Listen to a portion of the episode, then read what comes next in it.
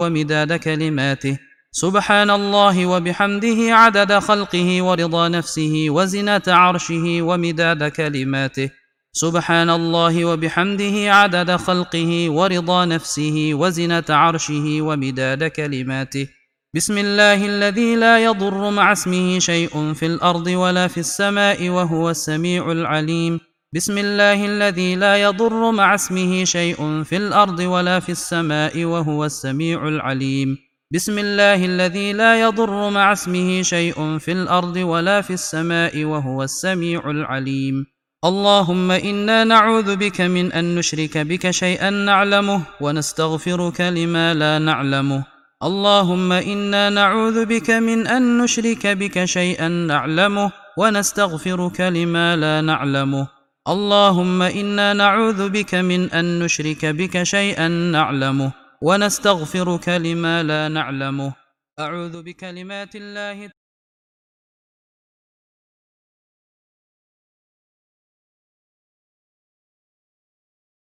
Bismillahirrahmanirrahim. Assalamualaikum warahmatullahi wabarakatuh.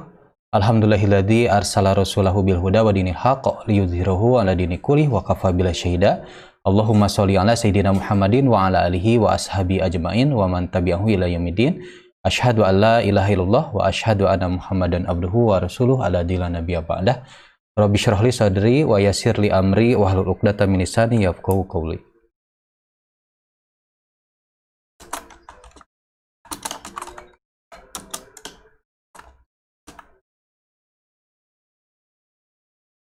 Bentar ya.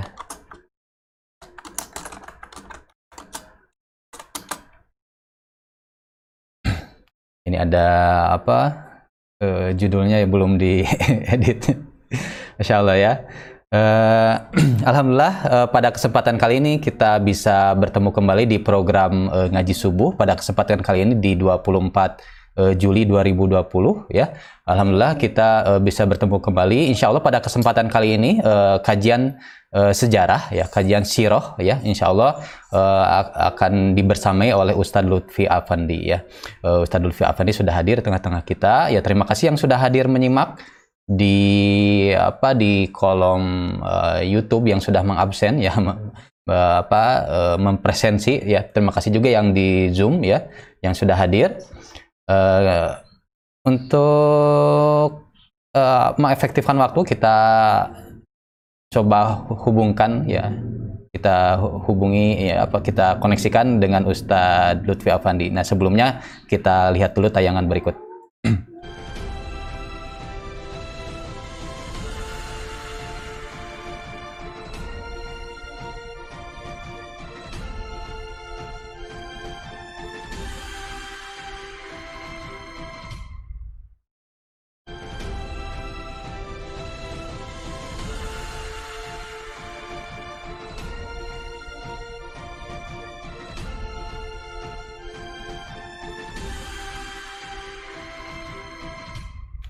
Alhamdulillah eh, sudah terhubung dengan Ustadz Lutfi Afandi ya. Eh, Assalamualaikum Ustadz.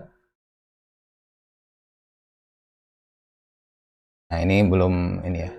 Nah ini sebetulnya sudah bisa menyalakan sendiri. Baik, eh, Assalamualaikum Ustadz. Waalaikumsalam warahmatullahi wabarakatuh. Ya sebentar ini saya coba eh, atur dulu di sininya. Nah ini ada kendala tadi di awal-awal. Suara saya jelas ya? Suara suaranya cukup jelas alhamdulillah. Saya coba sebentar Ustadz ini ada tadi ada sempat ini ya eh, apa gangguan koneksi sebetulnya ya. Eh, tapi sudah ini sudah bisa terhubung. Alhamdulillah. Eh, baik se- seperti yang sudah disampaikan eh, pada kesempatan kali ini kita akan mengulas ya sejarah kota Mekah ya. Kita akan mulai menyusuri kembali ya apa Sirah Nabawiyah pada kesempatan kali ini adalah terkait sejarah kota Mekah ya. Nah, ini di sini sudah mulai ada gangguan dari Krucil. Nah, ini ya eh, untuk eh, ini mengefektifkan waktu supaya tidak berlama-lama kita persilahkan saja kepada Ustadz Lutfi Afandi. Nah, Ustadz Lutfi Afandi ini bagi orang Jawa Barat atau orang Bandung ya eh, sudah tidak asing lagi. Alhamdulillah ya uh, Ustadz Lutfi Afandi uh, bisa membersamai kita. Mudah-mudahan ke depannya uh, bisa rutin ya membersamai kita ya. Baik Ustadz Lutfi Afandi, uh, kami persilahkan langsung mungkin ya Ustadz. Nanti kita ngobrol-ngobrol di akhir-akhir mungkin. langsung saja mungkin ya sudah banyak yang menanti ya. Ya, baik. Bismillahirrahmanirrahim. Assalamualaikum warahmatullahi wabarakatuh. Waalaikumsalam warahmatullahi wabarakatuh. Alhamdulillah, alhamdulillah wa kafa Assalatu wassalamu ala rasulil mujtaba wa ala alihi wa ashabihi wa dhurriyyatihi min kulli taba'in huda Ashhadu an la ilaha illallah wahdahu la sharika la tawwala walada wa ashhadu anna sayyidana Muhammadan abduhu wa rasuluhu wa ahlu sidqi wal wafa Allahumma fasalli wa sallim wa barik ala sayyidina wa habibina wa syafi'ina mulana Muhammadan al-Mustafa ma ba'd Ya ibadallah usikum وإياي بتقوى الله فقد فاز المتقون واتقون يا أولي الألباب لعلكم ترحمون Alhamdulillah segala puja dan puji hanya bagi Allah Dialah zat yang menciptakan seluruh jagat raya beserta dengan isinya dan mengaturnya dengan pengaturan yang sangat sempurna Dialah zat yang tak pernah luput membagi-bagikan rezeki kepada seluruh makhluk-makhluknya mulai dari kita manusia hingga binatang-binatang melata zat yang menggenggam jiwa kita semuanya yang menghidupkan, mematikan, serta yang kelak akan membangkitkan kita pada hari yang tidak ada lagi keraguan di dalamnya. Salam dan salam semoga tersurah limpahkan kepada junjungan alam dan kita Nabi Muhammad Sallallahu Alaihi Wasallam. Alhamdulillah, uh, uh, sekalian dirahmati Allah Subhanahu Wa Taala, senang sekali saya bisa hadir pada kesempatan subuh kali ini atas undangan Ustaz Supri yang insya Allah pada uh, subuh hari ini saya akan sharing tentang uh, bagian dari sirah Nabi SAW. Ya, biasanya kalau pembahasan tentang sirah Nabi SAW, hal yang pertama dibahas itu adalah bagaimana uh, sejarah kota Mekah itu sendiri. Kenapa? Karena uh, penting untuk dibahas sejarah kota Mekah. Uh, tentu pertama karena Nabi kita Muhammad SAW itu lahir di kota Mekah. Gitu. Uh, karena itu uh, penting sekali untuk membahas uh, background atau latar belakang atau sejarah dari kota Mekah itu sendiri. Dan di situ di kota Mekah ada ada bukan hanya sekedar kota Mekah, tetapi juga di dalamnya ada uh, Ka'bah. Nah, uh, rahmati Allah Subhanahu Wa Taala, boleh saya share uh, materi saya Sutri ya? Sudah bisa? Oke, baik, terima kasih.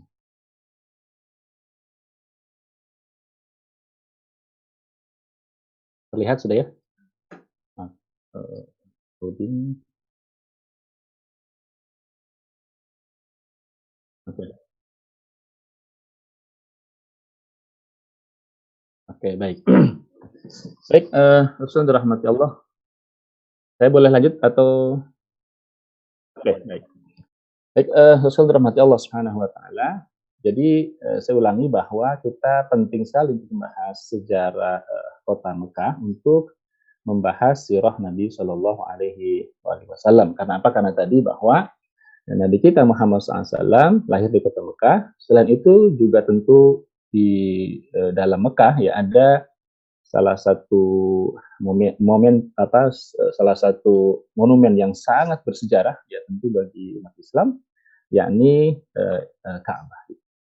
Nah, eh, Rasul rahmati Allah Subhanahu wa taala saya akan uh, mulai ini dari uh, satu pembahasan ya terkait dengan bagaimana letak geografi uh, kota Mekah itu sendiri itu. Uh, di mana kota apa maaf ya Jazirah Arab ya karena kota Mekah itu ada di Jazirah Arab. Uh, bagaimana sebenarnya Jazirah Arab itu dari aspek uh, geografis gitu. Nah kita tahu di sini di gambar terlihat secara geografis Jazirah Arab itu dibatasi oleh Laut Merah dan gurun Sinai gitu ya. Di sini ada Laut Merah ya. Eh, lalu kemudian ada apa namanya eh, gurun Sinai ya gitu. Itu di sebelah di sebelah baratnya gitu. Lalu kemudian di sebelah timur ada uh, Teluk Arab ya dan sebagian besar Irak Selatan. Ya, di sini Teluk Arab ya, Teluk Arab ya dan kemudian uh, sebagian besar ada di apa Irak Selatan. Lalu Laut Arab yang bersambung dengan Samudra Hindia dan di sebelah selatannya. Nah, di sebelah selatan di sini ya ini apa namanya adalah eh, Samudra Hindia ya dan di sebelah utaranya di atas di sini ada Persia ya eh, negeri Syam maaf ya negeri Syam dan sebagian kecil eh, negeri Irak di sebelah utara. Nah itu kira-kira gambaran eh, letak geografi dari eh, Jazirah Arab yang di dalamnya ada kota Mekah itu sendiri. Nah luas ini membentang antara satu kali 1,3 juta mil persegi. Gitu. Jadi memang sangat uh, luas gitu. Ini inilah kira-kira gambaran dari Jazirah Arab ya. Di sebelah barat kita tadi ada Laut Merah turun Sinai, lalu kemudian di sebelah timur ada Teluk Arab ya dan uh, apa Irak ya. Uh, lalu kemudian ya, tadi di sebelah timur ya. Di sebelah selatannya ada Laut Arab yang bersambung dengan Samudra Hindia dan di sebelah utara ada negeri Syam ya. Syam itu di antara adalah Palestina, Jordania, Lebanon dan Suriah Nah, terus rahmati Allah Subhanahu wa taala, jazirah Arab yang uh, geografik tadi saya sudah jelaskan itu dikelilingi ya uh, oleh gurun pasir dan gunung-gunung bebatuan di berbagai macam sudutnya gitu. Nah, ini karena kondisi yang seperti inilah uh, membuat jazirah Arab itu seperti apa? Dia seperti benteng pertahanan yang kokoh gitu. Ya. Selain itu juga sebenarnya tidak menarik gitu, tidak menarik perhatian dari negara-negara penjajah pada saat itu gitu. Jadi gurun pasir yang begitu luas, gunung-gunung bebatuan yang juga begitu apa namanya banyak ya di Jazirah Arab, ya ini seperti benteng pertahanan bagi eh, apa namanya Jazirah Arab, ya khususnya juga bagi kota Mekah itu sendiri. Sehingga apa? Sehingga tidak ada eh, apa namanya penjajahan terhadap bangsa Arab, ya Jazirah Arab pada saat itu. Tidak ada bangsa asing yang mau menjajah, mencaplok, menguasai bangsa Arab pada saat itu. Sehingga relatif lebih independen. Gitu relatif lebih independen, tidak ada eh, apa namanya eh, penjajah yang mau menguasai gitu. Ya, karena mungkin kalau istilah kita ngelihatnya aja udah males gitu ya. Sepanjang mata memandang itu ya gurun pasir dan kemudian gunung-gunung bebatuan. Ya, pada saat itu ya. Nah, eh, padahal mereka hidup bertetangga pada saat itu dengan dua imperium besar. Ya, kita tahu imperium besar yang menguasai dunia pada saat itu adalah Persia dan Romawi. Gitu. Nah, Nah, inilah yang kemudian menyebabkan bangsa Arab itu hidupnya bebas merdeka eh, dalam tanda petik ya, artinya bebas dari penjajahan berbagai macam negara adidaya, eh, negara besar pada saat itu, kerajaan besar, imperium besar yang Persia dan Roma. Nah, itu sejak zaman dulu. Ya, jadi bisa di apa namanya pahami kira-kira gambaran eh, apa Jazirah Arab. Ini salah satu hal juga yang eh, apa yang menjelaskan gitu, para ulama menjelaskan kenapa eh, Nabi SAW itu dilahirkan di sini, dia di Jazirah Arab, mungkin nanti pembahasan berikutnya saya akan jelaskan gitu. Eh, di antaranya karena independensinya tadi. Ya, karena eh, daerah yang independen tidak dikuasai oleh penjajah Persia dan Romawi, ya sehingga eh, proses dakwah itu menjadi lebih mudah lagi gitu. Karena kalau ada penjajah, melawan itu jadi dua gitu ya. E, mendakwahi jadi dua pihak. Satu mendakwahi e, masyarakatnya itu sendiri ya. E, tokoh-tokoh kabilah. Yang kedua adalah kemudian menaklukkan dalam tanda petik penjajah gitu. Nah itu apa namanya e, alasannya. E, di antara alasan yang kedua kata para ulama itu ya kenapa Jazirah Arab yang e, tentu alasan awal itu hak prerogatif Allah Subhanahu wa taala gitu ya. Itu itu perlu kita pahami. Tapi para ulama menjelaskan kenapa kira-kira di apa namanya Jazirah Arab. Yang kedua itu karena alasan bahasa. Karena bahasa Arab itu ya tidak sebagaimana apa namanya bahasa eh, apa di Indonesia. Di Indonesia ini kan banyak sekali banyak apa ragam bahasa gitu. Ya, ada bahasa Sunda, bahasa Jawa, bahasa Minang, bahasa Bugis, bahasa Papua gitu. Nah, bahasa itu ternyata bisa mempermudah, bisa mempersulit prosesi penyebaran dakwah gitu ya. Mempermudah itu kalau satu bahasa itu ketika satu uh, apa orang paham, satu komunitas paham, maka dia akan lebih cepat menyebarnya. Beda kalau kemudian berbagai macam bahasa gitu. Ya, orang Sunda paham, tapi orang Jawa belum paham. Orang Jawa paham, tapi orang uh, Padang belum paham gitu. Itu problem ketika multi bahasa gitu. Nah, bahasa uh, Arab itu satu bahasa sehingga ketika apa um, apa memudahkan ya bagi uh, apa namanya dakwah itu bisa tersebar ya yang ketiga alasannya di antaranya karena apa? Karena e, di Jazirah Arab di kota Mekah itu ada Ka'bah. Gitu. Nah, Ka'bah ini kita tahu sejak ribuan tahun yang lalu itu didatangi oleh orang dari berbagai macam negeri, dari berbagai macam pelosok. Ya dari Yaman, dari uh, apa? Uh, dari Syam, ya, dari Afrika, dari mana-mana orang datang ke uh, Ka'bah itu. Ya. Nah, sehingga uh, apa namanya? Uh, pada saat itu tentu ketika daya daya jelajah orang itu terbatas karena tidak ada kendaraan gitu. Datangnya orang ke Ka'bah itu sangat membantu proses dakwah. Sehingga apa? Dakwah itu menjadi cepat tersiarnya gitu. Nah, jadi eh, apa kenapa Ka'bah? Karena orang datang dari mana-mana seluruh pelosok dunia sehingga eh, apa namanya? Eh, pengaruh dakwah itu akan lebih cepat tersebar ya dibandingkan misalnya eh, apa daerah yang kemudian di situ tidak ada eh, apa namanya orang datang gitu. Dan perlu kita ketahui bahwa Nabi Muhammad SAW itu diatus, diutus oleh Allah Azza wa Jal untuk seluruh umat manusia gitu ya, bukan hanya untuk bangsa Arab gitu. Ya kalau mungkin untuk hanya bangsa Arab tidak menjadi penting ya apa namanya adanya Ka'bah yang didatangi oleh uh, sekian banyak orang dari seluruh uh, pelosok uh, dunia. Nah, itulah kira-kira di apa di antara alasannya. Alasan ada alasan lain yang dijelaskan oleh para ulama kenapa uh, apa namanya Nabi Muhammad SAW diutus oleh Allah uh, Azza wa Jal itu di Mekah. Selain tentu saya katakan tadi ini kalau merujuk pada alasan poin pentingnya adalah ya itu karena uh, hak prerogatif Allah Subhanahu wa taala. Baik ya. Eh uh, rahmati Allah Subhanahu wa taala. Nah, uh, hal yang lain tentu yang perlu kita maklumi adalah dari mana asal muasal ya kalau bicara tentang kota Mekah ini kan kita bicara tentang uh, penghuninya, tentang manusianya, tentang masyarakatnya gitu ya. Nah, dari mana asal muasal ini? Kita tarik ya uh, apa namanya jauh ke belakang ya.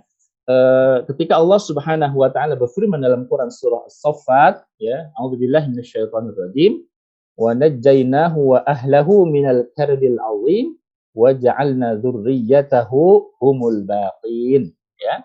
Kata Allah Subhanahu wa taala dan kami telah menyelamatkan Nuh alaihi salam dan para pengikutnya dari bencana banjir yang besar dan kami jadikan anak cucunya orang-orang yang melanjutkan keturunan. Jadi kita tahu rahmat Allah Subhanahu wa taala, ya para ulama itu menjelaskan bahwa uh, umat manusia yang saat ini berada di seluruh dunia yaitu sesungguhnya uh, berasal dari anak keturunannya Nabi Nuh alaihi salatu. Ya, ini ingat periode Nabi Nuh itu periode sekitar uh, tahun 300 uh, 3993 Eh, sampai 3043 sebelum Masehi. Itu uh, periode uh, apa namanya Nabi Nuh alaihissalam.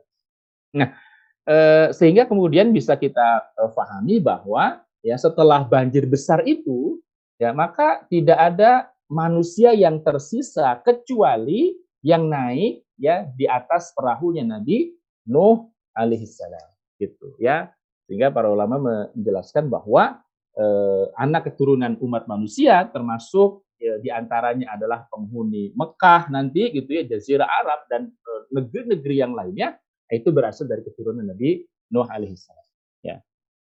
Nah baik.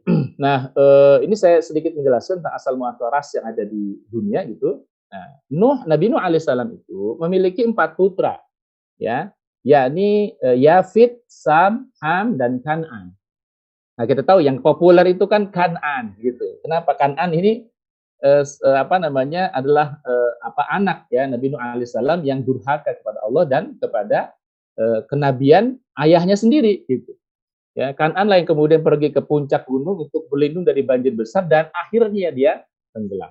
Nah, eh, ada tiga putra eh, Nabi Nuh yang kemudian tersisa. Di antaranya siapa? Sam, ya Ham dan Yafid atau Sam, Yafid dan dan Ham. Ya, karena itu Ibnu Katsir menyebutkan bahwa seluruh Bani Adam di muka bumi ini berasal dari ketiga anak Nabi Nuh yang tersisa tadi.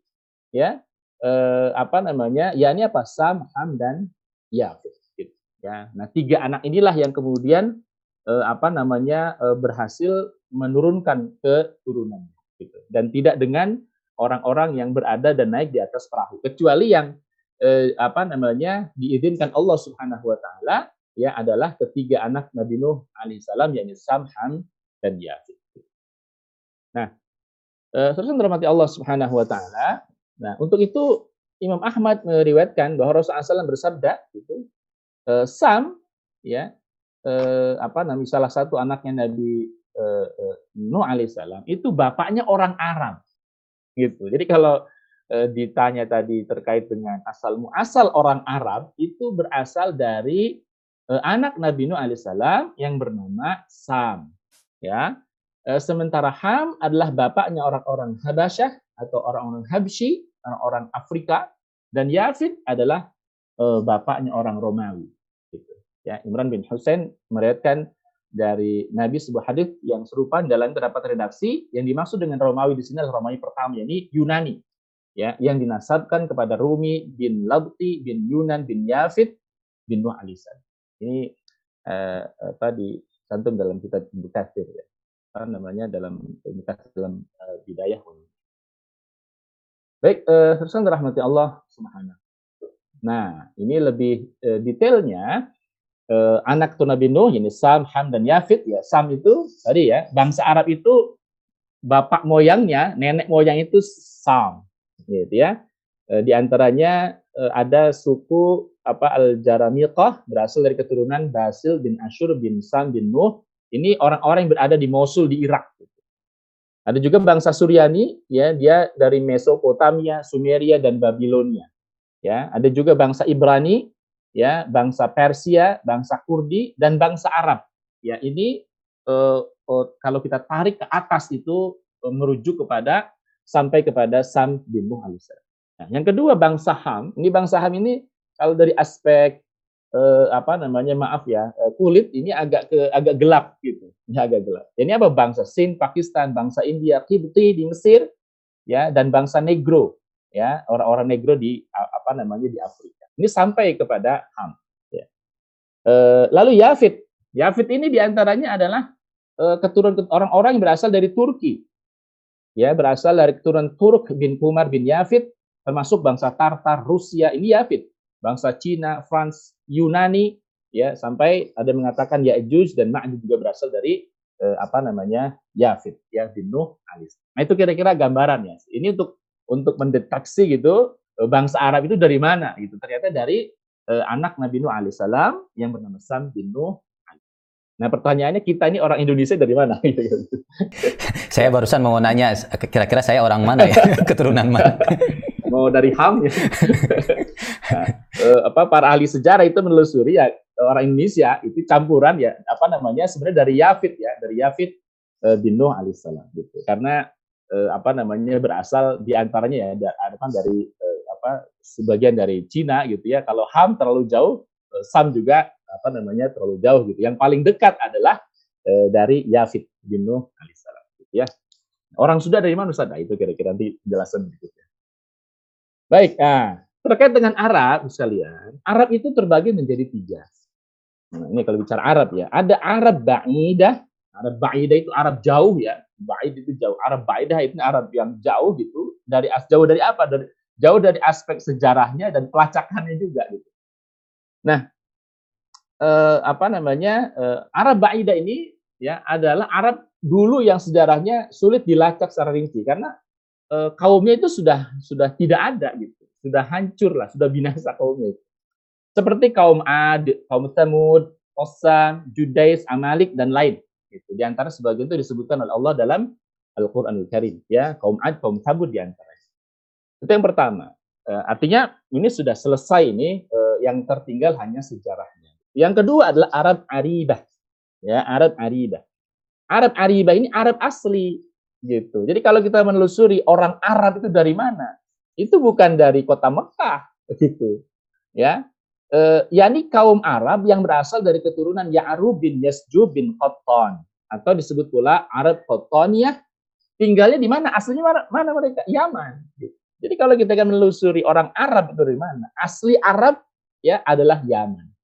Asli Arab adalah Yaman, gitu ya bukan orang Mekah, ingat ya, bukan orang Mekah, tapi orang Yaman. Karena dari aspek sejarah, Yaman jauh lebih panjang sejarahnya ya ketimbang eh, apa namanya eh, apa Arab itu sendiri. Dalam maksudnya adalah Mekah itu sendiri. Yaman lebih panjang sejarahnya. Gitu. Nanti kesempatan lain kita bahas tentang itu. Gitu. Nah sebelah selat apa Yaman di sebelah selat Jazirah. Nah, kabilah yang terkenal di Yaman adalah kabilah Jurhum bin Ya'rub. Nah, dari Ya'rub ini berkembang ke beberapa kabilah dan anak suku hingga menjadi dua cabang besar yaitu Kahlan dan Hindar. Ya, nanti detail saya akan jelaskan. Ada yang ketiga adalah Arab Musta'aribah. Ya, Arab al-Stadab ini Arab pendatang, campuran, pendatang. Yakni kaum Arab yang berasal dari keturunan Nabi Ismail alaihissalam.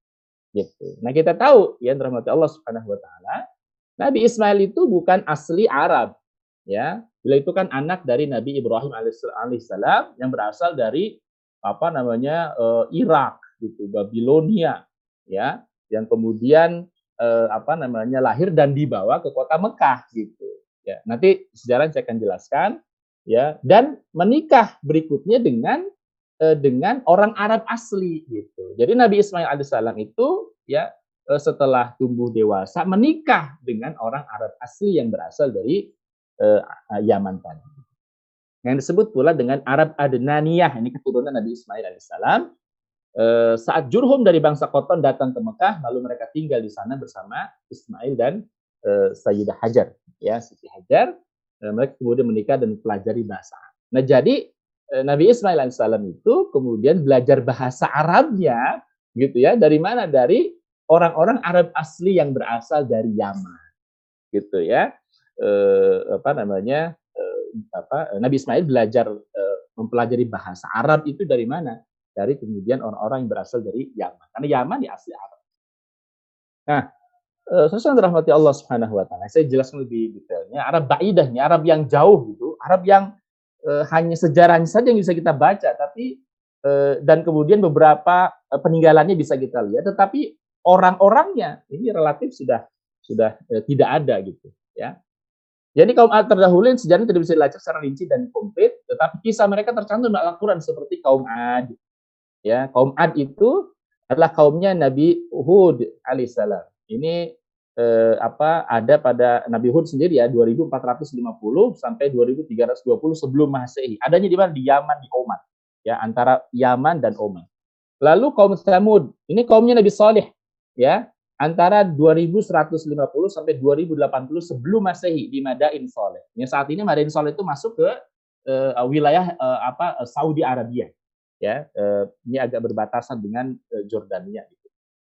Uh, lalu kemudian uh, kaum Madian, Aikah, ya, ini kaumnya Nabi Shu'aib, ya, alaihissalam, ya, uh, hidup pada 1200 sampai 1490 sebelum Masehi di Jordania. Nah ini Arab Ba'idah, Arab yang jauh yang sejarahnya itu sudah tidak bisa lagi dilacak kecuali yang kita baca dalam eh, apa namanya eh, di Al-Qur'an dan eh, hadis Nabi SAW. Ya. Yang berikutnya ya Arab Aribah. Nah, ya ini penduduk asli. Maksudnya orang Arab asli ini. Ya. Ya ini berasal dari keturunan Ya'rub bin Yasjub seperti yang saya sampaikan tadi bin Qattan ya dan suku yang terkenal adalah Jurhum. Ya tadi sudah saya jelaskan. Dan Arab Musta'ribah ini kaum pendatang, ya, yakni kaum Arab yang berasal dari keturunan Ismail yang disebut pula Adnan. Ya, nah, itu kira-kira eh, apa namanya eh, penjelasannya sehingga kemudian nanti orang-orang suku Jurhum inilah yang nanti menikah dengan Nabi Ismail. Nah, baik ya, terus rahmati Allah Subhanahu wa taala. Ya, itu sekilas tentang eh, apa namanya asal muasal orang Arab itu apa saja ya eh, pemetaannya ada Arab uh, Ba'idah yang jauh, Arab uh, apa namanya uh, apa uh, Aribah dan Musta'ribah. Nah, nah uh, bicara tentang uh, kota Mekah, iya, itu uh, tidak akan pernah lengkap afdol kalau tidak membahas Nabiullah Ibrahim alaihissalam gitu. Kenapa? Karena yang membawa Nabi Ismail alaihissalam ya dan mengantar istrinya ya Sayyidah Hajar adalah Nabi Ibrahim alaihissalam alaihissalam. Ya. Nabi Ibrahim sendiri itu eh, apa namanya lahirnya itu antara sekitar 1997 ya. Kok masih baru saat sebelum Masehi ya. 1822 sebelum Masehi. Ya. Jadi usia beliau itu sekitar 175 tahun. Nabi Ibrahim berasal dari mana? Dari Ur, ya, dari sebuah kampung yang bernama Ur, ya, wilayah di Mesopotamia di Irak, ya, di pinggir barat Sungai Efrat dekat Kufah. Ini jadi Ibrahim uh, alaihissalam itu berasal dari Irak. Nah, Eh, setelah sekian lama menetap di Mesopotamia, Nabi Ibrahim hijrah ke Haran, ya, lalu kemudian ke Palestina hingga ke Mesir, ya, kemudian kembali lagi ke Palestina. Nah, jadi eh, area dakwah di antara Nabi Ibrahim alaihissalam adalah ya selain apa namanya eh, apa mengantar ya ke, ke apa eh, Mekah ya, lalu yakni daerah asalnya adalah eh, apa eh, Palestina ya tem, apa area dakwahnya Nabi Ibrahim alaihissalam. Maka kalau kita ke eh, apa Palestina gitu ya, saya pernah ke Hebron gitu. Nah, itu ada satu apa namanya wilayah ya, ya eh, apa eh, dan di situ ada masjid ya Ibrahimi gitu ya orang menyebut masjid Hebron ya Ibrahimi di situ adalah eh, wilayah atau tempat ya yang diyakini tempat eh, Nabi Ibrahim eh, apa alaihissalam dimakamkan ya bersama dengan eh, apa namanya keluarganya yang lain. Gitu. Yaitu karena wilayah dakwah Nabi Ibrahim ya di antaranya di Hebron. Ya dan eh, Siti Sarah itu kemudian juga para ahli sejarah mengatakan berasal dari Hebron ya dari Palestina. Nah, baik ya, pesan rahmati Allah Subhanahu wa taala. Nah, kita lihat nanti daya jelajah Nabi Ibrahim itu seperti apa. Bisa kita bayangkan ya. Tadi pada zaman itu ya ini 1997 antara itu 1822 gitu. Itu ingat sebelum Masehi gitu. Anda bisa bayangkan eh, tidak ada transportasi yang memadai pada saat itu kecuali hanya kendaraan hewan saja. Kalau tidak unta ya kuda gitu. Kira-kira begitu atau keledai. Tapi kita lihat daya jelajah Nabi Ibrahim ini luar biasa. Ya, luar biasa. Dari Ur ini lihat ya yang merah itu Ya di sini kota kelahiran e, Nabi Ibrahim alaihissalam. Ya, nah, kalau kemudian kita e, tahu sejarah e, Nabi Ibrahim dengan Namrud, yaitu ya di daerah sini.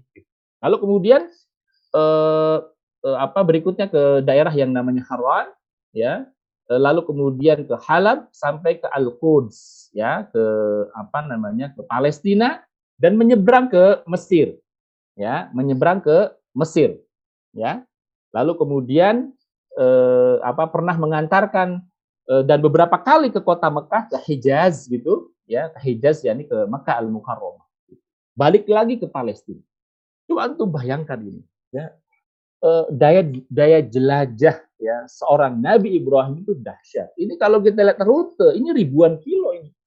Ya kalau kita lihat rute daya dan daya jelajah Nabi Ibrahim eh, alaihissalam ini ribuan kilo. Bayangkan dari dari Irak ya dari Ur ke Haran ke Halab lalu Al-Quds nyebrang ke apa namanya Mesir lalu ke Mekah balik lagi ke, ke apa Palestina itu luar biasa gitu. Dan tuh bisa bayangkan nih daya jelajahnya eh, Nabi eh, Ibrahim alaihissalam gitu. Nah, eh, sersan rahmati Allah subhanahu wa taala kita tahu sendiri ya eh, di antara eh, hal yang ya apa namanya salah satu eh tugas dakwahnya Nabi Ibrahim itu di antaranya adalah e, pernah Nabi Ibrahim itu ke Mesir ya. Nabi Ibrahim berangkat ke Mesir bersama dengan uh, istrinya Siti Sarah ya. Dan di sanalah kemudian uh, Nabi Ibrahim alaihissalam itu uh, apa mendapati uh, Siti Hajar. Ya ada sejarahnya apa namanya cukup panjang sebenarnya. Saat itu ketika Nabi Ibrahim bersama dengan Siti Sarah ke Mesir ya ada raja Mesir pada saat itu yang kemudian tertarik ya dengan eh, apa Siti Sarah. Itu akhirnya kemudian Siti Sarah dibawa ya oleh eh, raja Mesir tadi ya hendak dizinahi. Tapi kemudian saat hendak menyentuh Siti Sarah ya tubuh raja Mesir tadi dia kaku gitu. Terus dia minta eh, apa namanya tolong minta sama Tuhanmu agar aku disembuhkan. Akhirnya Siti Sarah berdoa sehingga si raja apa raja Mesir itu eh, sembuh ya. Eh, eh, ketika kemudian hendak disentuh lagi kaku lagi sampai berapa kali. Tapi pada akhirnya seluruh uh, apa kalau istilah sekarang stroke mungkin ya seluruh tubuh si raja Firaun itu sampai kemudian tidak bergerak kecuali mulutnya saja. Lalu kemudian dia akhirnya mengatakan ya uh, tolong mintakan kepada Tuhanmu ya agar aku disembuhkan ya aku berjanji akan melepaskan dan memberikan hadiah kira-kira begitu. Nah, uh, lalu kemudian uh, akhirnya si raja uh, Mesir tadi sembuh ya dan akhirnya Siti Sarah dibebaskan, tidak disentuh ya sedikit pun oleh Raja Firaun, apa namanya Raja Mesir tadi, dan ya eh, si raja tadi menghadiahi ya apa namanya seorang eh, apa namanya wanita mulia gitu. Ini ada mengatakan uh, budak bukan sebenarnya. Pada sejarah itu mengatakan bahwa Siti Hajar itu bukan budak gitu. Ini propaganda orang-orang uh, apa namanya? orientalis dia biasanya apa? Dia mengatakan bahwa Siti Hajar itu budak. Siti Hajar itu adalah anak seorang raja gitu. Ya, ada mengatakan Raja Heksos ya pada saat itu yang diberikan hadiah kepada Siti Sarah, yang kemudian akhirnya dinikahi oleh Nabiullah Ibrahim alaihissalam. Gitu ya. Nah, dari situlah kemudian jadi eh, apa namanya eh, Siti Hajar yaitu aslinya ya orang Mesir ya. Ada mengatakan dari Qibti, maka kemudian antara Mekah dengan Mesir itu punya punya apa sejarah yang sangat kuat gitu ya karena keturunan orang-orang e, Mekah ya Jazirah Arab yang situ ada Ismail alaihissalam Nabi Ismail alaihissalam adalah berasal juga dari dari Mesir. Nah, e, baik eh saudara mati Allah Subhanahu wa taala. Nah, lalu kemudian ya ini pada, pada saat itu Siti Sarah itu belum apa namanya belum memiliki anak. Nah, ternyata Allah takdirkan rahmat Allah Subhanahu wa taala lebih dulu eh, apa namanya memiliki anak dari eh, Siti Hajar gitu ya.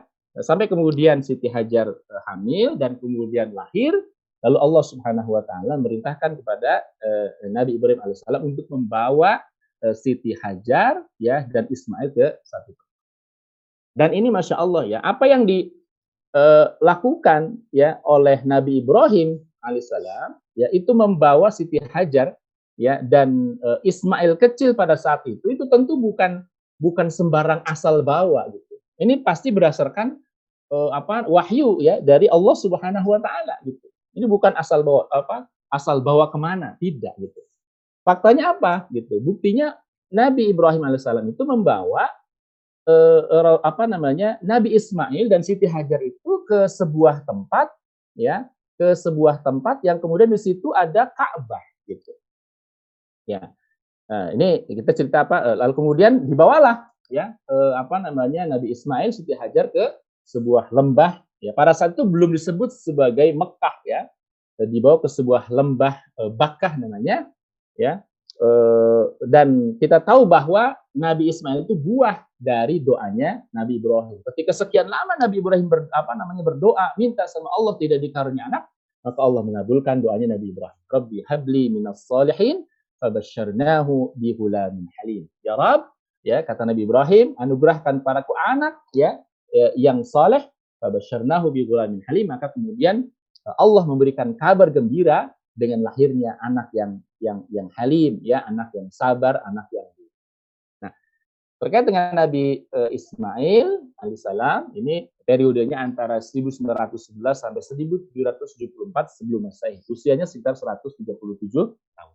Jadi Eh, dibawalah tuh ya eh, Nabi Ismail dengan Siti Hajar ke sebuah lembah Bakkah gitu. Lembah yang di situ tidak ada apa-apa. Ya. E, e, dibawalah ya apa namanya e, Nabi Ibrahim Siti Hajar di tempat yang enggak ada apa-apa, tidak ada sumber air, tidak ada pepohonan ya, tidak ada apa namanya e, apa e, sungai gitu ya apalagi mall ya ATM dan seterusnya enggak ada. Nah, Eh, kisahnya ringkas yang dirahmati Allah Subhanahu wa taala, ya kita tahu ya ketika eh, Nabi Ibrahim menempatkan mereka mengantar mereka ke Mekah pada saat itu, lalu Nabi Ibrahim karena tugas dakwah. Ini seorang nabi ya. Karena kalau nabi terus-menerus misalnya ada di situ, di tempat yang nggak ada orang, apa tugas seorang nabi gitu? Maka Nabi Ibrahim itu kembali lagi ke mana? Ke Palestina. Yang di situ sudah banyak e, orang gitu. Karena tugas nabi adalah dakwah. Maka Nabi Ibrahim itu kemudian kembali lagi. Dan kita tahu betapa sedihnya Nabi Ibrahim dan juga sedihnya Siti Hajar gitu ya e, ditinggalkan oleh e, apa namanya suaminya. Tapi karena Siti Hajar tahu suaminya seorang nabi ya awalnya bertanya hendak ke mana engkau wahai suamiku? Hendak ke mana engkau suamiku? Begitu. Tapi karena Siti Hajar itu faham ya karena su apa suaminya adalah seorang nabi maka pertanyaannya e, diganti ya. Apa? Waktu itu yang ditanya oleh Siti Hajar wahai suamiku benarkah engkau meninggalkan kami ini karena perintah Allah Subhanahu wa taala maka Nabi Ibrahim menjawab iya ini perintah dari Allah Subhanahu wa taala. Maka oh, ini yang luar biasa dari sikap jiwa seorang Siti Hajar dikatakan ya kalau memang ini perintah dari Allah Subhanahu wa taala pergilah ya pasti Allah akan mencukupkan kamu. Masya Allah ya. Ditinggal oleh Nabi Ibrahim sedih luar biasa. Nabi Ibrahim berat ya juga apalagi Siti Siti Hajar gitu ya. Dibekali hanya makanan yang ada saja pada saat itu. Itu kita bayangkan ini ya level eh, apa namanya ketawakalan seorang Siti Hajar. Masya Allah luar biasa gitu.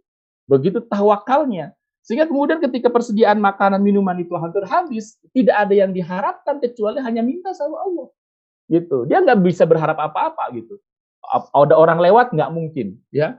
Lalu kemudian sungai tidak ada tidak mungkin. Pepohonan tidak ada maka kita bisa lihat ini ya sikap jiwa seorang Siti Hajar yang begitu uh, yakin ya akan pertolongan Allah itu terbukti. Ya uh, ketika apa persediaan minuman habis lalu kemudian berlari ke apa ke apa ke satu apa gunung gitu ya satu bukit. Ya, bukit sofa seolah-olah di sana ada air tapi kita dilihat itu hanya fata morgana. Begitupun ke Eh, Bukit Marwa, kelihatan ada air tapi hanya fata morgan. Terus bolak-balik ya sampai kemudian itu kemudian menjadi napak tilas dari ibadah sa'i ya dalam ibadah umroh dan haji ya. Dan kemudian ya masya Allah ini buah dari apa? Kepasrahan total kepada Allah azza wajal membuahkan hasil yang luar biasa. Yakni apa? Yakni e, munculnya ma'u zamzam. Sumur zamzam ya di dekat e, apa pijak apa namanya e, kakinya e, Nabi Ismail alaihissalam kecil pada saat. Ingat ya, ini artinya buah dari ketawakalan yang total, kebergantungan yang total kepada Allah Azza wa Jal, maka Allah pun menurunkan eh, apa namanya eh, apa pertolongan.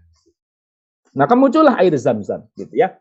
Nah, eh, rahmati Allah Subhanahu wa taala. Nah, Nabi Ibrahim meninggalkan mereka gitu. Di tengah perjalanan Nabi Ibrahim minta sama Allah gitu. Ya sambil kemudian memikirkan ini bagaimana nasib nanti anak apa anak dan istri saya gitu ya tapi Nabi Ibrahim masya Allah juga sama punya tingkat ketawakalan yang luar biasa ya maka diminta sama Allah Subhanahu Wa Taala. Apa permintaan Nabi Ibrahim?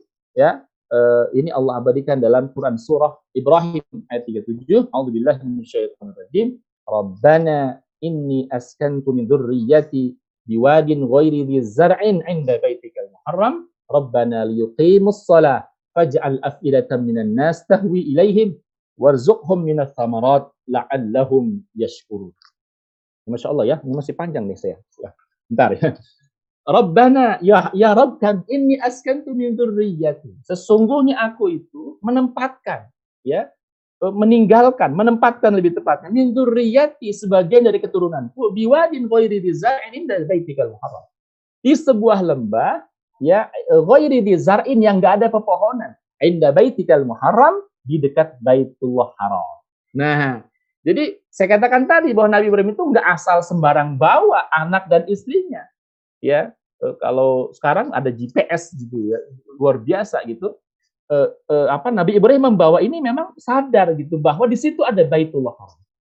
Tapi apakah Baitullah Haramnya sudah seperti sekarang Ustaz ada bangunan tidak? Waktu itu hanya hanya berupa fondasinya saja gitu. Tetapi Nabi Ibrahim tahu bahwa itulah tempat ibadah pertama yang dibangun ya oleh manusia. Inda baitikal muharram di dekat Baitullah Haram, Rabbana. Nah, ini doanya Nabi Rabbana liyuqimus shalah. Ya Rabb kami liyuqimus shalah. Kenapa? Agar mereka menegakkan sholat. Aku tempatkan di sekitaran Ka'bah agar mereka menegakkan sholat. Faj'al afidatan minan nas. Dan jadikanlah ya uh, hati sebagian manusia. Ya, tahwi ilaihim itu hatinya cenderung kepada mereka. Nah, ini saya akan jelaskan nanti. Maksud cenderung kepada mereka itu maksudnya apa? Ini kan mereka cuma berdua ya Allah, kira-kira gitu kalau bahasa kita. Gimana caranya ya Allah? Ini bahasa saya. Gimana caranya ya Allah supaya mereka bisa ditemani oleh orang gitu. Ya, gimana caranya supaya mereka ada yang menemani gitu. Faj'al afidatam minan nas tahwi ilaihim. Ya, jadi jadikan hati sebagian orang cenderung kepada mereka, mendatangi mereka, menemani mereka.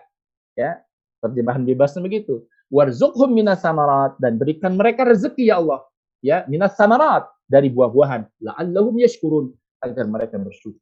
Ini masya Allah. Dan seluruh doanya Nabi Ibrahim ini dikabul oleh Allah Subhanahu Wa Taala. Yuqimus sholat agar mereka menegakkan sholat terus ya sampai dengan sekarang.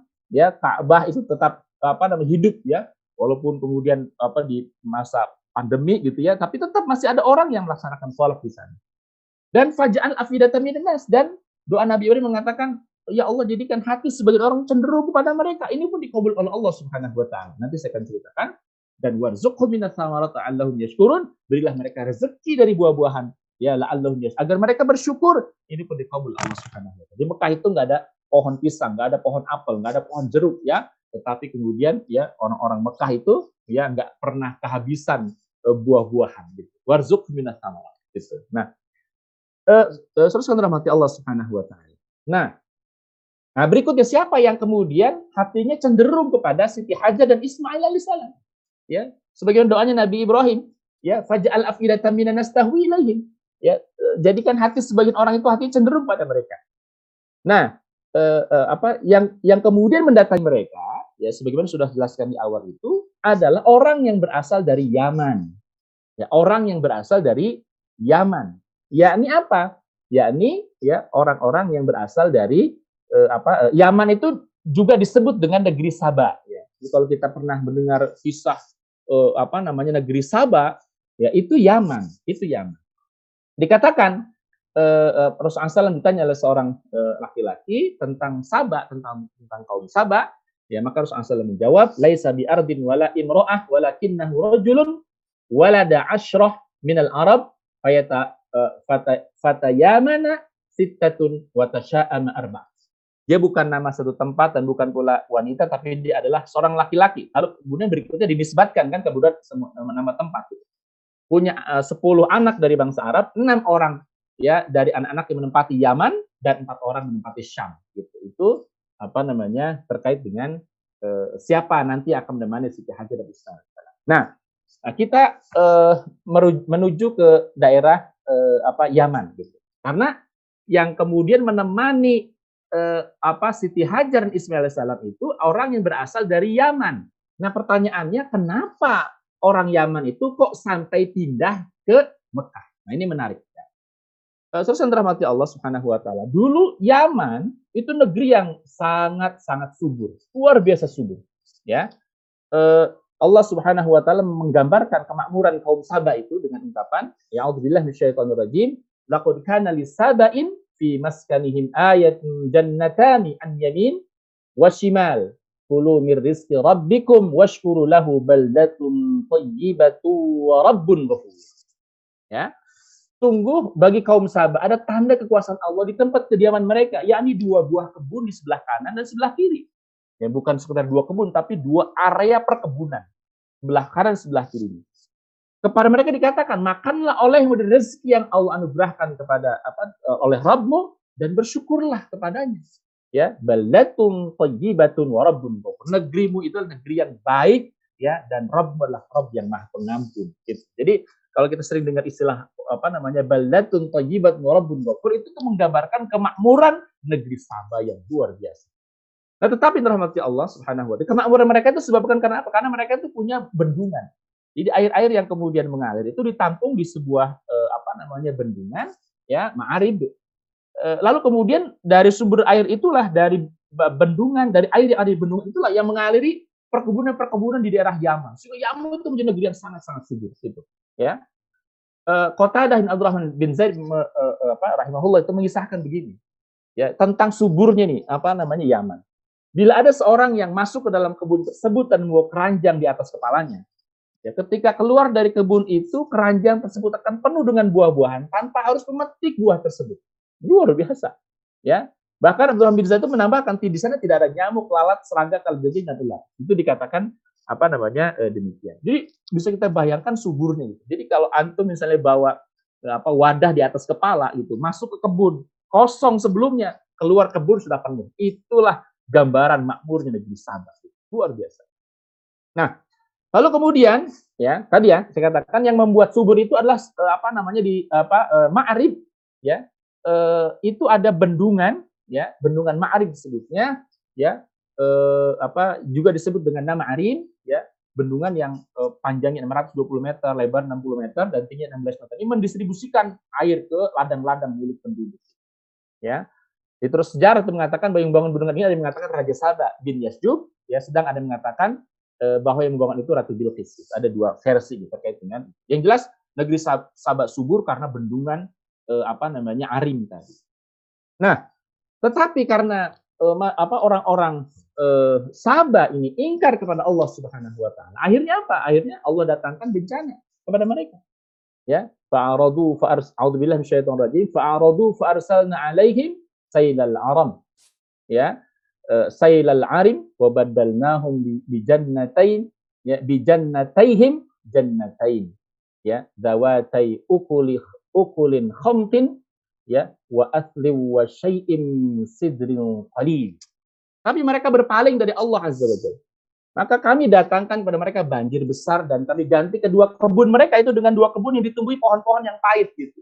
Pohon asal dan sedikit dari pohon sider ya.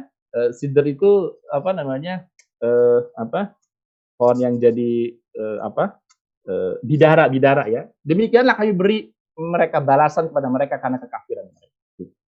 Jadi oh, bendungan itu oh, apa hancur ya jebol ya akhirnya apa? Akhirnya mereka tidak lagi punya sumber uh, sumber pengairan nah itulah yang menyebabkan kemudian ya apa namanya pohon-pohon yang uh, berbuah manis tadi berganti dengan apa dengan uh, buah apa pohon-pohon yang berbuah pahit. Gitu. Nah, rahmati Allah Subhanahu wa taala.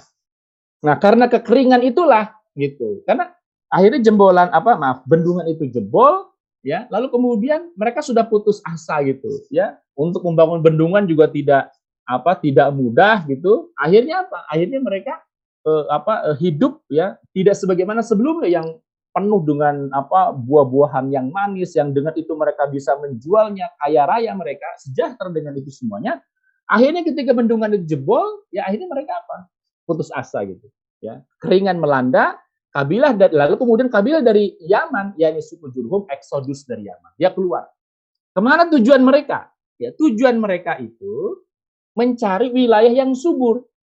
Dan target mereka itu ke Syam gitu. Syam itu negeri yang masya Allah subur ya saya alhamdulillah berapa kali ke apa uh, Palestina gitu itu masya Allah gitu tidak apa saya baru melihat negeri yang yang tentu sekarang dikuasai oleh Yahudi Israel Allah ya yang di situ tumbuh pohon pisang, pohon mangga, pohon kurma, pohon kismis, ya, pohon anggur itu dalam satu area luar biasa gitu. Ya kalau kita kan pisang, mangga aja, nggak ada kurma. Di sana kurma ada, pisang ada, apa namanya, eh, apa, mangga ada, ya anggur ada, luar biasa subur luar biasa dari dulu sampai dengan sekarang gitu. Nah, pantas di negeri yang diberkahi oleh Allah Azza wa ya.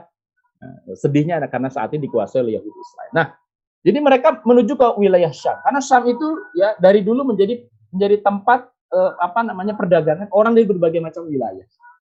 Gitu, ya. Nah, tetapi ketika apa namanya ketika mereka berangkat itu rombongan dari suku Jurhum dari Yaman, ketika mereka hendak ke, ke apa ke Syam, tapi eh, mereka harus melewati Mekah dulu gitu. Mereka harus melewati Mekah gitu. Nah, ketika tiba di Mekah mereka itu melihat dari kejauhan itu kok ya seperti ada apa namanya burung-burung yang terbang tuh di atas berputar gitu. Mereka mengatakan ini ada apa di sana gitu. Ya, eh, ada apa di apa namanya di sana? Mereka punya pras, pura praduga kalau ada burung terbangan di atas di bawah itu pasti ada kehidupan. Paling tidak ada sumber air di situ. Maka salah seorang di antara mereka merintahkan, coba tolong dicek di sana itu ada apa. Barangkali di sana ada sumber air gitu.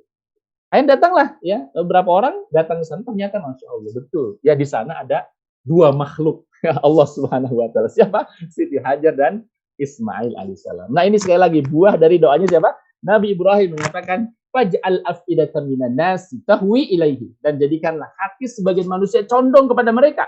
Ini buah dari jawaban dari Allah Subhanahu wa taala orang dari Yaman mau ke Syam lewat kota Mekah melihat ada burung berputar. Dicek ternyata ada sumber air. Kata mereka lapor.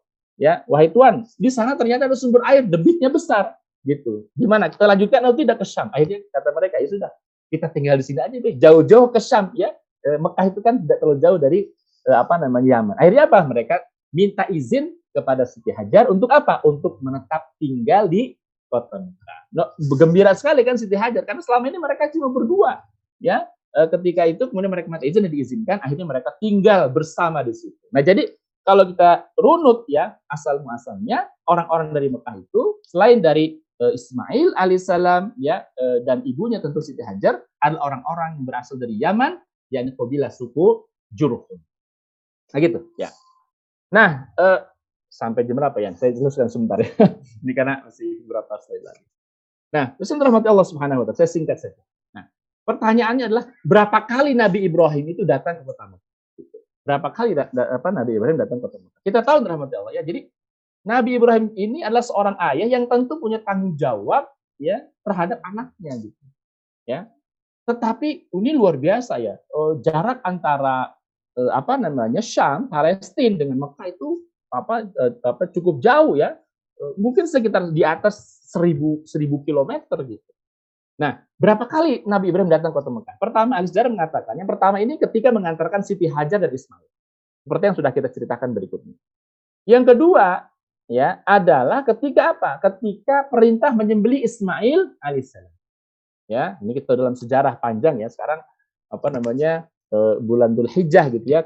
Kisah itu sering kali di apa namanya dikisahkan kembali. Perintah menyembeli Ismail alaihissalam. Ya, Falamma balagu ma'hu saya qala ya bunayya inni ara fil manam anni azbahuka fanzur madza tara. Ya. Lalu akhirnya kemudian tidak apa hendak disembelih ya Nabi SAW akhirnya Allah menggantikan dengan dengan domba yang besar. Yang ketiga, ya ketika meninggikan bangunan Ka'bah. Nanti saya kisahkan berikutnya gitu. Eh, apa namanya? Dan ya ketika mengunjungi keluarga Ismail yang pertama dan ketika mengunjungi keluarga Ismail yang kedua. Saya kisahkan ini dulu ya. Ketika Allah memerintahkan uh, apa uh, kepada Nabi Ibrahim untuk meninggikan bangunan Ka'bah. Jadi ketika kunjungan berikutnya itu, ya uh, Nabi Ibrahim itu bersama dengan Ismail meninggikan bangunan Ka'bah. Ini sekaligus menjawab bahwa Ka'bah itu tidak dibangun dari awal oleh Nabi Ibrahim alaihissalam. Ya, karena dalam Al-Qur'an Allah taala berfirman, "A'udzubillahi minasyaitonirrajim, wa id yarfa'u Ibrahimul qawa'ida minal bait wa Ismailu rabbana taqabbal minna innaka antas samiul alim. Wa id yarfa Ibrahim ketika Nabi Ibrahim meninggikan ya, yarfa itu yang meninggikan yarfa'u Ibrahimu al-qawaida. Apa yang ditinggikan al-qawaid? yakni apa? Fondasi itu, ya, dasar-dasar atau fondasi-fondasi itu. Minal bait, al-bait yakni Ka'bah wa Ismail ya, dan bersama dengan Ismail, Rabbana taqabbal minna sambil berdoa, ya Allah terimalah ya amalan kami innaka antas samil alim sungguh engkau maha mendengar lagi maha mengetahui. Nah, lalu kemudian menjadi pertanyaan, siapa yang bangun Ka'bah? Gitu ya. E, apa namanya? Ahli sejarah mengatakan versi yang paling kuat mengatakan yang bangun Ka'bah adalah Nabiullah Adam alaihissalam. Gitu ya, yang apa yang bangun Ka'bah karena Ka'bah itu adalah bangunan pertama yang dibangun ya untuk ibadah. Gitu. Karena faktanya Nabi Ibrahim itu hanya meninggikan saja ya bangunan dari Ka'bah. Gitu ya. Nah, Uh, baik, sebelum yang berikutnya uh, ketika Nabi Ibrahim itu mengunjungi Ismail, ketika Ismail sudah berumah tangga gitu, maka ada rasa kangen juga dari Nabi Ibrahim. Ya, maka datang jauh-jauh dari mana? Dari Palestina ke ke Mekah gitu, untuk mengetahui gimana anaknya dan seterusnya.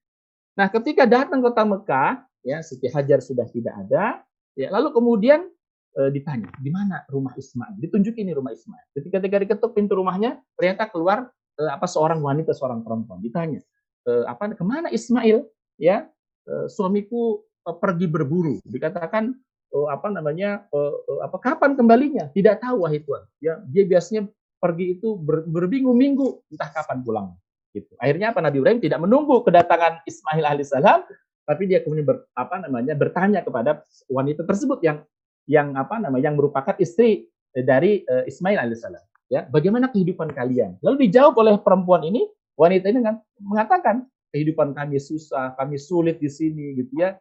E, intinya yang keluar dari lisan e, apa istri e, Nabi Ismail yang pada saat itu itu itu adalah kalimat-kalimat ke, apa keluh kesah gitu. Ya tidak bersyukur atas apa yang Allah berikan apa namanya kepadanya. Lalu apa kata Ibrahim? Memberikan sinyal. Ya, kalau begitu pesan kepada suamimu ya Ismail, apa pesannya?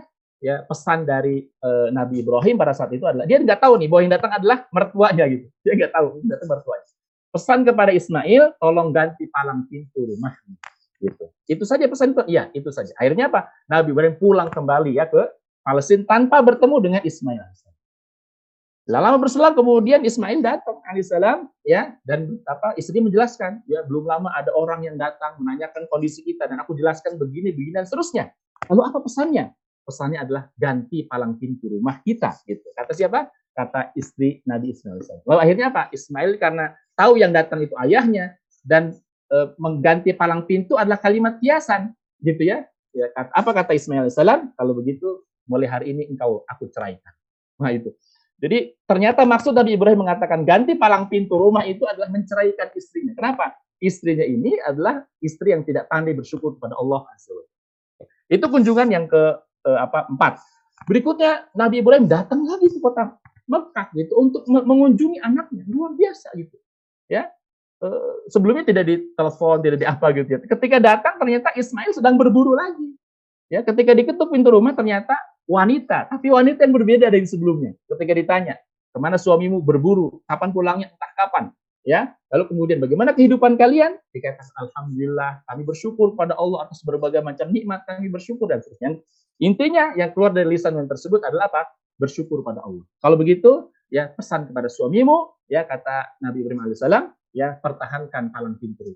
Ya, pulang Ismail, eh, Nabi Ibrahim kembali ke Palestina, Ismail pulang, ditanya apa dijelaskan oleh uh, istrinya bahwa ada yang datang ya uh, apa berpesan pertahankan palang pintu lalu akhirnya uh, apa uh, Ismail tetap mempertahankan istri yang uh, kedua dinikahi. Nah itulah yang kemudian menjadi anak keturunan uh, Nabi Ismail adalah dari istri yang ini yang pandai bersyukur kepada Allah Subhanahu wa taala. Itu kira-kira paling tidak Nabi Ibrahim mengunjungi Mekah sekitar lima kali. Nah, luar biasa. Nah, Terus yang dirahmati Allah Subhanahu wa taala. Nah, nah tadi ya, siapa yang membangun Ka'bah? Ya, jawabannya ya kata Bapak Allah Subhanahu wa taala, "A'udzubillahi minasyaitonir Inna awwala baiti wudi'a lin-nas lalladzi bi Bakkah mubarakan wa hudan lil alamin." Sungguh rumah rumah yang mula-mula dibangun untuk tempat ibadah manusia adalah Baitullah di Bakkah yang diberkahi dan menjadi petunjuk bagi semua manusia gitu. Jadi versi yang, yang paling kuat mengatakan dibangun oleh Nabi Adam alaihissalam. Berikutnya ya apa namanya e, dibangun Masjidil Aqsa. Nah, sesuai rahmat Allah Subhanahu wa taala. Nah, baru berikutnya Nabi Ibrahim ya diperintahkan Allah untuk menyeru manusia untuk haji. Setelah dibangun fondasi uh, dari fondasi menjadi uh, Ka'bah, lalu Allah Subhanahu wa taala merintahkan kepada Nabi Ibrahim, serulah manusia untuk haji. Allah taala berfirman, "A'udzubillahi minasyaitonir rajim, wa adzin fil nasi bil haji ya'tuka rijalan wa 'ala kulli dhamir ya'tina min kulli fajjin amiq."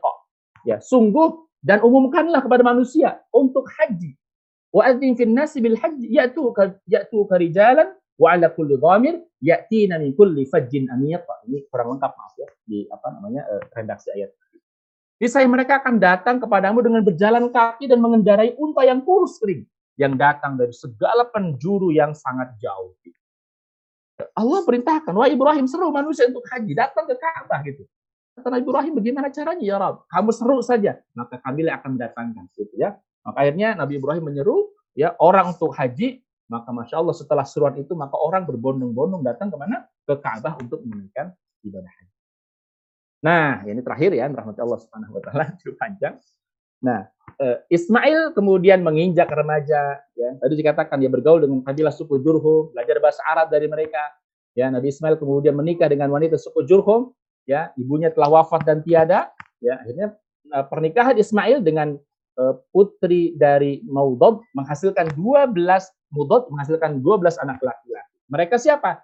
Nabit. Ini suku Nabatian. Nabit itu kalau kemudian kita ke Jordan saya pernah ke eh, apa namanya salah satu situs bersejarah seperti dalam apa namanya gambar. Ini kaum Nabatian itu di antara salah satu anak pun Nabi SAW lalu Qaidar ya Abdail ya Mibsham Mishma Duma ya Nisha, Haddad, Yatma, Yatur, Na, Nafis dan Qaidam. Dari Nabit punya keturunan bernama Adnan. Nah, gitu ya. Dari Nabit punya keturunan namanya Adnan dan Adnan inilah ya yang merupakan nenek moyang dari Rasulullah Shallallahu Alaihi Wasallam. Dari mana? Dari Ismail, dari dari 12 anak Ismail, yakni dari Nabit punya punya keturunan Adnan. Dari Adnan inilah yang kemudian apa namanya berlanjut kepada eh, apa namanya Rasulullah Shallallahu Alaihi Wasallam. Baik, ya. Ah, maaf ya. Terakhir ya. Nah, dari 12 keturunan Ismail itu kemudian menetap di kota Mekah. Mereka berdagang dari Yaman ke Syam ya dan Mesir. Nabi menurunkan bangsa Nabasya, raja-raja dari keluarga Ghostan dan Ansor yang terdiri dari Aus Hajrat juga berasal dari sini. Ya, berasal dari keluarga Nabit dan Ismail. Ya, peradaban Al-Anbat adalah tinggal anak-anak Nabit di Hijaz bagian utara.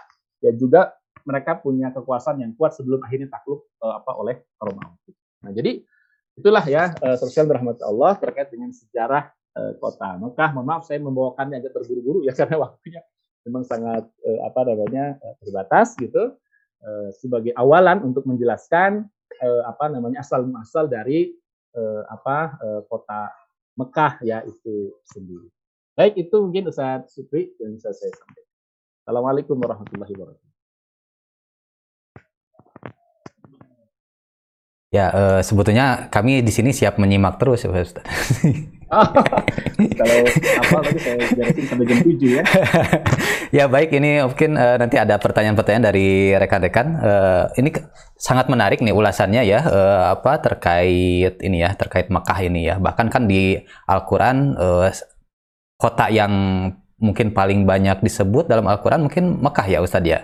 Kalau saya lihat ini di beberapa referensi uh, banyak nama-nama untuk Mekah ya uh, Haromain, Umul Kur apa uh, Umul Kuro ya Tanah Haram, Umul Kuro, kemudian uh, Al Balad sendiri kan uh, merujuk apa ke kepada Mekah, kemudian ada apa Bakah itu sendiri banyak di ayat-ayat yang lainnya saya baca di sini saya coba bacakan ya. Ya, Makkah juga disebut dengan nama Al-Balad ya dalam surat Al-Balad. Kemudian Umul Kuro dalam surat Al Eh, Al-An'am gitu ya. Al-Balad Al-Amin, negara yang aman, Atin ya. Kemudian Al-Qaryah ya, dalam An-Nahl gitu ya. Kemudian uh, apa di apa Wadin Goiru uh, Goiru di Zarin ya dalam surat Ibrahim ya. Ini uh, mungkin ini apa tanggapannya seperti apa uh, uh, uh, spesial saking spesialnya sampai di Al-Qur'an itu sering di ini ya di di apa di, disebut gitu ya mungkin Ustadz terkait kota Mekah uh, sebagaimana sesuai dengan tema ini gitu. Oh ya. Ya. Ya memang eh, kenapa banyak disebut ya seperti yang saya jelaskan di awal ini karena Mekah ini menjadi semacam titik sentral ya. E, pertama e, kota Mekah yang di situ ada Ka'bah gitu itu e, apa namanya adalah tempat yang bukan hanya diyakini ya oleh e, apa umat Nabi Muhammad SAW tapi jauh ke atas sebelumnya gitu. yakni keturunan Nabi Ibrahim alaihissalam gitu. Makanya kan tadi saya jelaskan wa adzin fil nas bil hajj yati yatuka rijala wa ala kulli dhamir yatina min kulli fajjin amiq ya. Itu setelah Nabi Ibrahim menyeru manusia, maka sekian banyak orang datang gitu. Nah, kita tahu bahwa eh, apa namanya eh, karena itu kota Mekah yang di situ ada Ka'bah khususnya itu menjadi dalam tanda petik ya milik ya eh, apa nah, sekian banyak umat gitu. Ya, maka tadi dia disebut wadin ghairi zar'in itu untuk menunjukkan jadi tergantung pensifatannya gitu. E, apa namanya pensifatannya e, disebut wadin ghairi zar'in yaitu karena e, karena e, apa namanya di situ tempat yang enggak ada pepohonan sama sekali. Disebut Bakah di antara ada mengatakan yaitu e, lembah Bakah ya adalah memang e, Ka'bah itu adalah sebuah sebuah lembah gitu. Ya, dan banyak eh, sebutan-sebutan yang lain. Itu mensifati atau misalnya har, ha, di antaranya haromain tanah haram.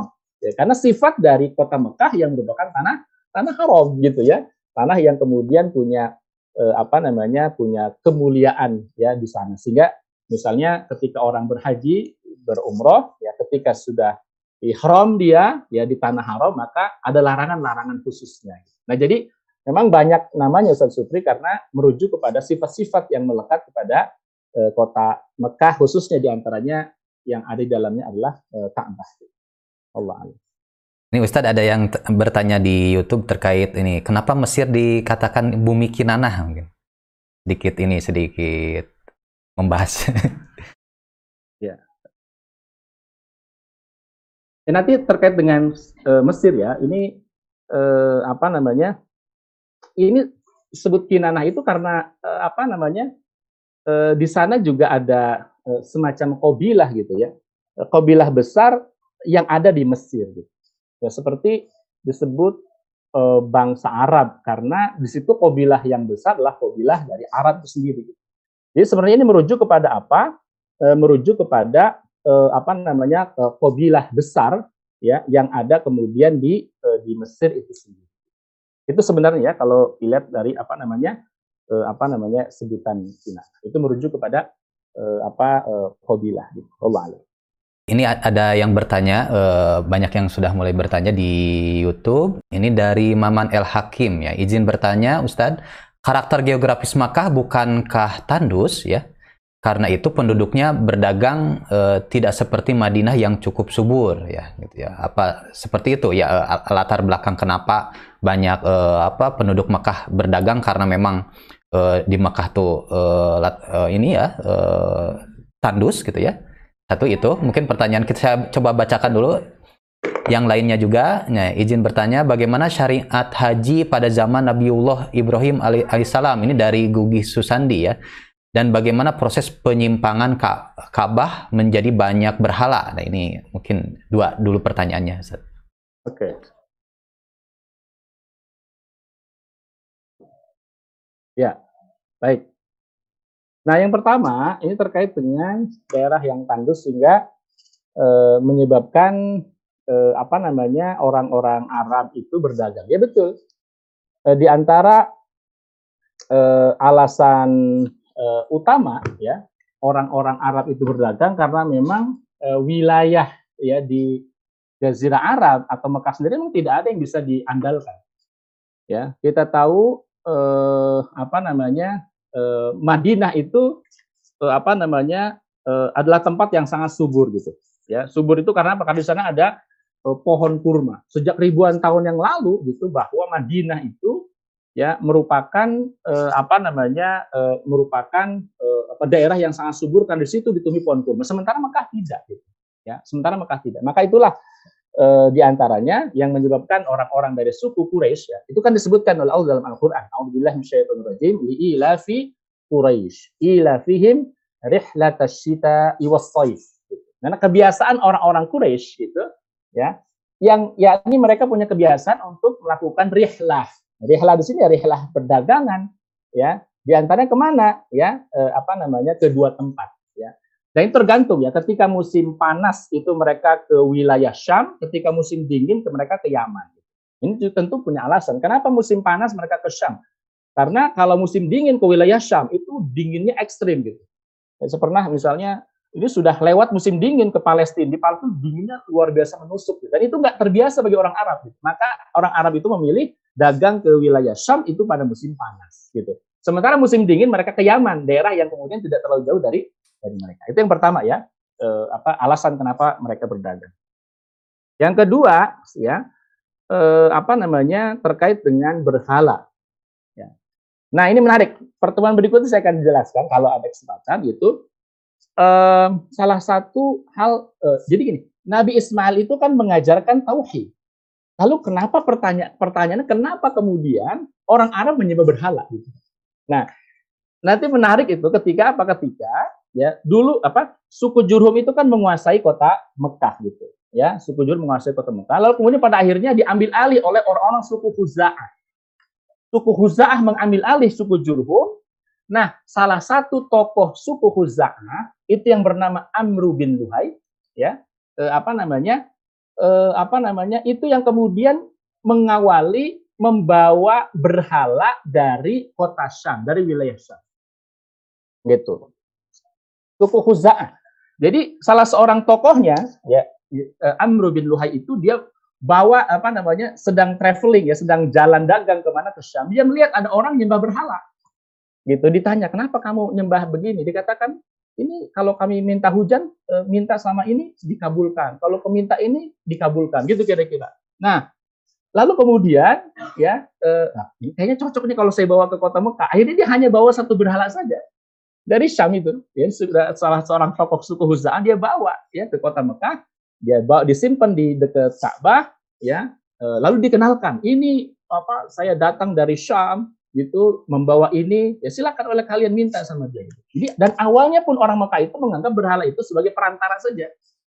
Ya perantara untuk minta kepada Tuhan. Karena mereka pun meyakini akan Rob ya akan Allah. Sebenarnya mereka yakin nah akhirnya awalnya hanya satu berhala kan datang orang tuh dari mana-mana ya haji. Akhirnya kemudian mereka menjadikan oh, apa semacam souvenir gitu ya. Dan akhirnya seluruh hampir seluruh penduduk Mekah itu menyembah berhala. Gitu. Nah jadi eh, apa namanya eh, itu asal eh, muasal gitu apa namanya eh, penyembahan berhala. Dan itu terjadi ratusan tahun ya eh, apa namanya setelah eh, apa sebelum ya eh, lahirnya Rasulullah Muhammad Shallallahu Alaihi Wasallam gitu yang apa namanya eh, apa eh, eh, ratusan tahun setelah itu kemudian ya akhirnya hampir seluruh penduduk Mekah ya itu menyembah berhala. Jadi seorang tokoh yang bernama Amru bin Luhai gitu ya. Eh, dan apa Rasulullah SAW menggambarkan tuh, ini kan Amru bin Luhai itu jauh sebelum Nabi SAW, ratusan tahun sebelum Nabi SAW, ya. Tapi Nabi SAW pernah mengatakan bahwa aku pernah melihat Amru bin Luhai, ya, itu kemudian ususnya terburai di neraka. Kenapa? Karena dosa pertama dia ini ini dosa syirik gitu ya. Jadi kalau antum bayangkan ini dia menanggung dosa syiriknya orang Mekah dan sekian ratus tahun. Siapa namanya? Amr bin Luhai. Dosa jariah Ustaz ya. dosa jariah.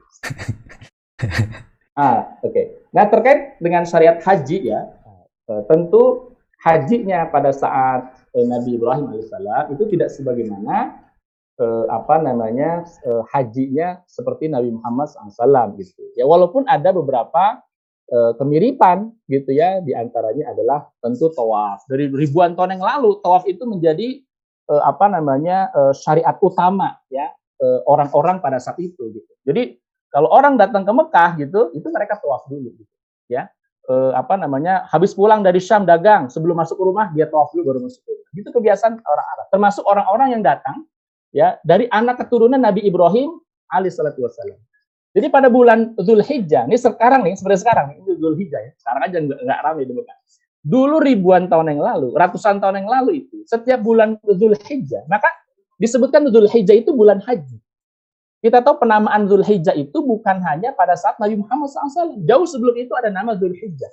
Merujuk kepada kebiasaan orang-orang Arab. gitu. Jadi apa?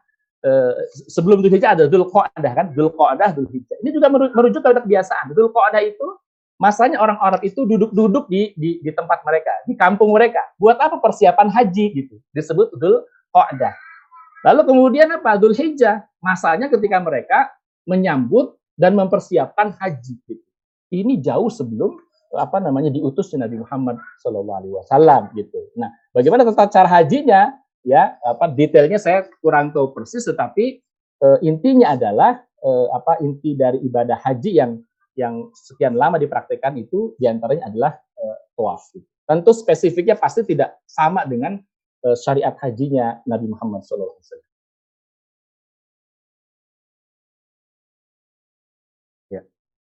Ya baik, uh, ini ada pertanyaan kembali, ini uh, Pak Iwan ini ya, mengingatkan ya di zoom, uh, di zooman. Yang di Zoom uh, bertanya Pak Iwan ini apa? Jadi Ka'bah itu yang membangun Nabi Adam alaihissalam ya. Uh, kemudian Nabi alaihissalam membangun Ka'bah itu untuk kiblat sholat juga. Nih itu, itu, itu pertanyaannya.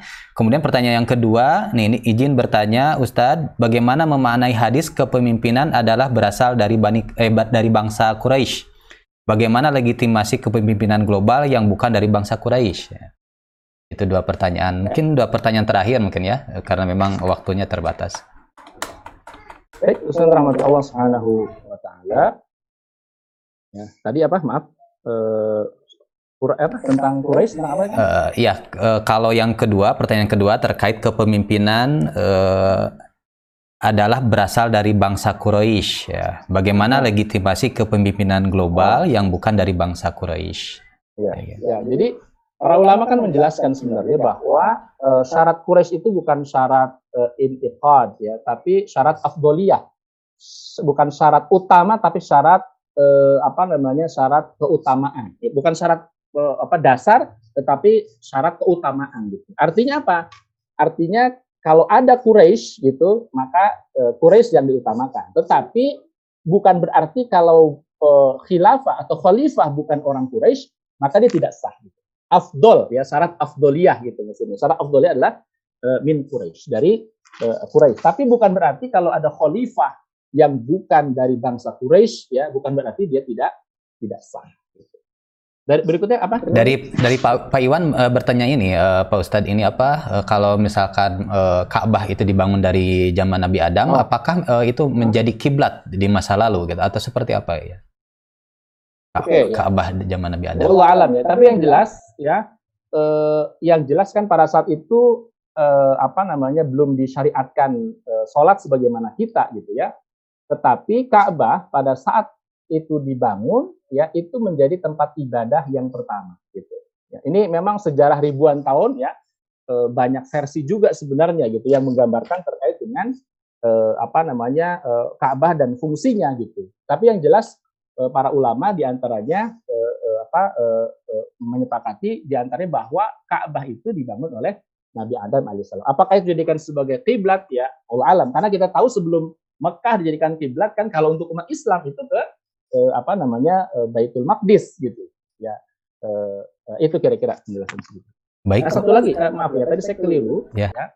Eh, terkait dengan makna kinanah. Kinanah itu tadi ada yang makna suku gitu ya, ada suku kinanah. Ada juga terkait dengan Mesir ya maaf ya saya khilaf. Eh, itu karena pertama eh, apa eh, kinanah itu sebagai buminya para nabi dan eh, apa buminya kemudian mendapatkan penjagaan dari Allah Subhanahu wa taala. Gitu. Kalau kinanah yang pertama itu merujuk kepada apa? Kepada suku gitu. Tetapi yang kedua yang melekat pada eh, apa Mesir yakni bahwa eh, Kinanah adalah eh, masuk dalam kategori buminya para nabi ini hampir sama dengan Palestina ya yang kemudian mendapatkan penjagaan ya dari Allah Subhanahu wa taala. Allah ya. Masya Allah ya, Ustadz hanya saja waktunya ini apa sudah lumayan ini ya setengah tujuh lebih. Nah mungkin di kesempatan yang lain Insya Allah eh, Ustadz bisa sharing lagi terkait ini terkait Sirah Nabawiyah. Ini seakan-akan ini ya bimbingan pra haji atau pra umroh ya. Ini bakal ya- yang menarik buat eh, teman-teman nanti yang ke depannya umroh. Jadi supaya eh, apa ketika ke- eh, ke Mekah ya se- seperti napak tilas ya eh, sejarah belajar apa sejarah ini yang diceritakan oleh Ustadz Lutfi Afandi ini ya karena, karena kalau saya lihat juga Ustadz Lutfi Afandi ini ya eh, eh, beberapa kali membimbing umroh juga ya Alhamdulillah. Alhamdulillah. baik Ustadz sebagai ini ya sebagai penutup mungkin ada yang ingin disampaikan sebagai closing statement silakan Nah, baik ya. Uh, dirahmati Allah Subhanahu wa taala. Penting sekali untuk kita membahas eh, sirah Nabi Shallallahu alaihi wasallam eh, di antaranya karena eh, apa untuk menumbuhkan rasa cinta kita kepada baginda Nabi Shallallahu alaihi wasallam. Jadi poin penting kita belajar sirah bukan apa-apa, tapi untuk menumbuhkan rasa cinta kita kepada baginda Nabi SAW dan kita umat Nabi Muhammad SAW. Kita umat Nabi Muhammad SAW yang tentu berharap syafaat ya apa berharap syafaat ya dengan syafaat uzma eh, syafaat yang agung kelak dan eh, eh, apa namanya satu-satunya orang yang di antaranya yang memberikan syafaat kepada eh, seluruh umat manusia bukan hanya umatnya adalah Nabi Muhammad SAW itu tidak dimiliki oleh para nabi yang lain kecuali Nabi kita Muhammad Sallallahu Alaihi Wasallam. Masya Allah ya, Eh, mudah-mudahan apa yang tadi disampaikan eh, terkait siro apa eh, jejak sejarah eh, terkait Mekah, mudah-mudahan kita bisa mengambil ibroh eh, untuk dijadikan pelajaran bagi kita semua eh, dan ke depannya juga. Baik, terima kasih Ustadz, eh, Ustadz Lutfi Afandi. Mudah-mudahan nanti ke depannya kita bisa ini lagi ya, sharing.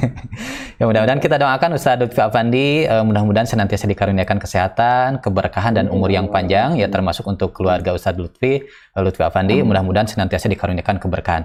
Dan mudah-mudahan kita yang hadir menyimak senantiasa dikaruniakan keikhlasan, kesabaran, kesabaran dan keistiqomahan insya Allah ya.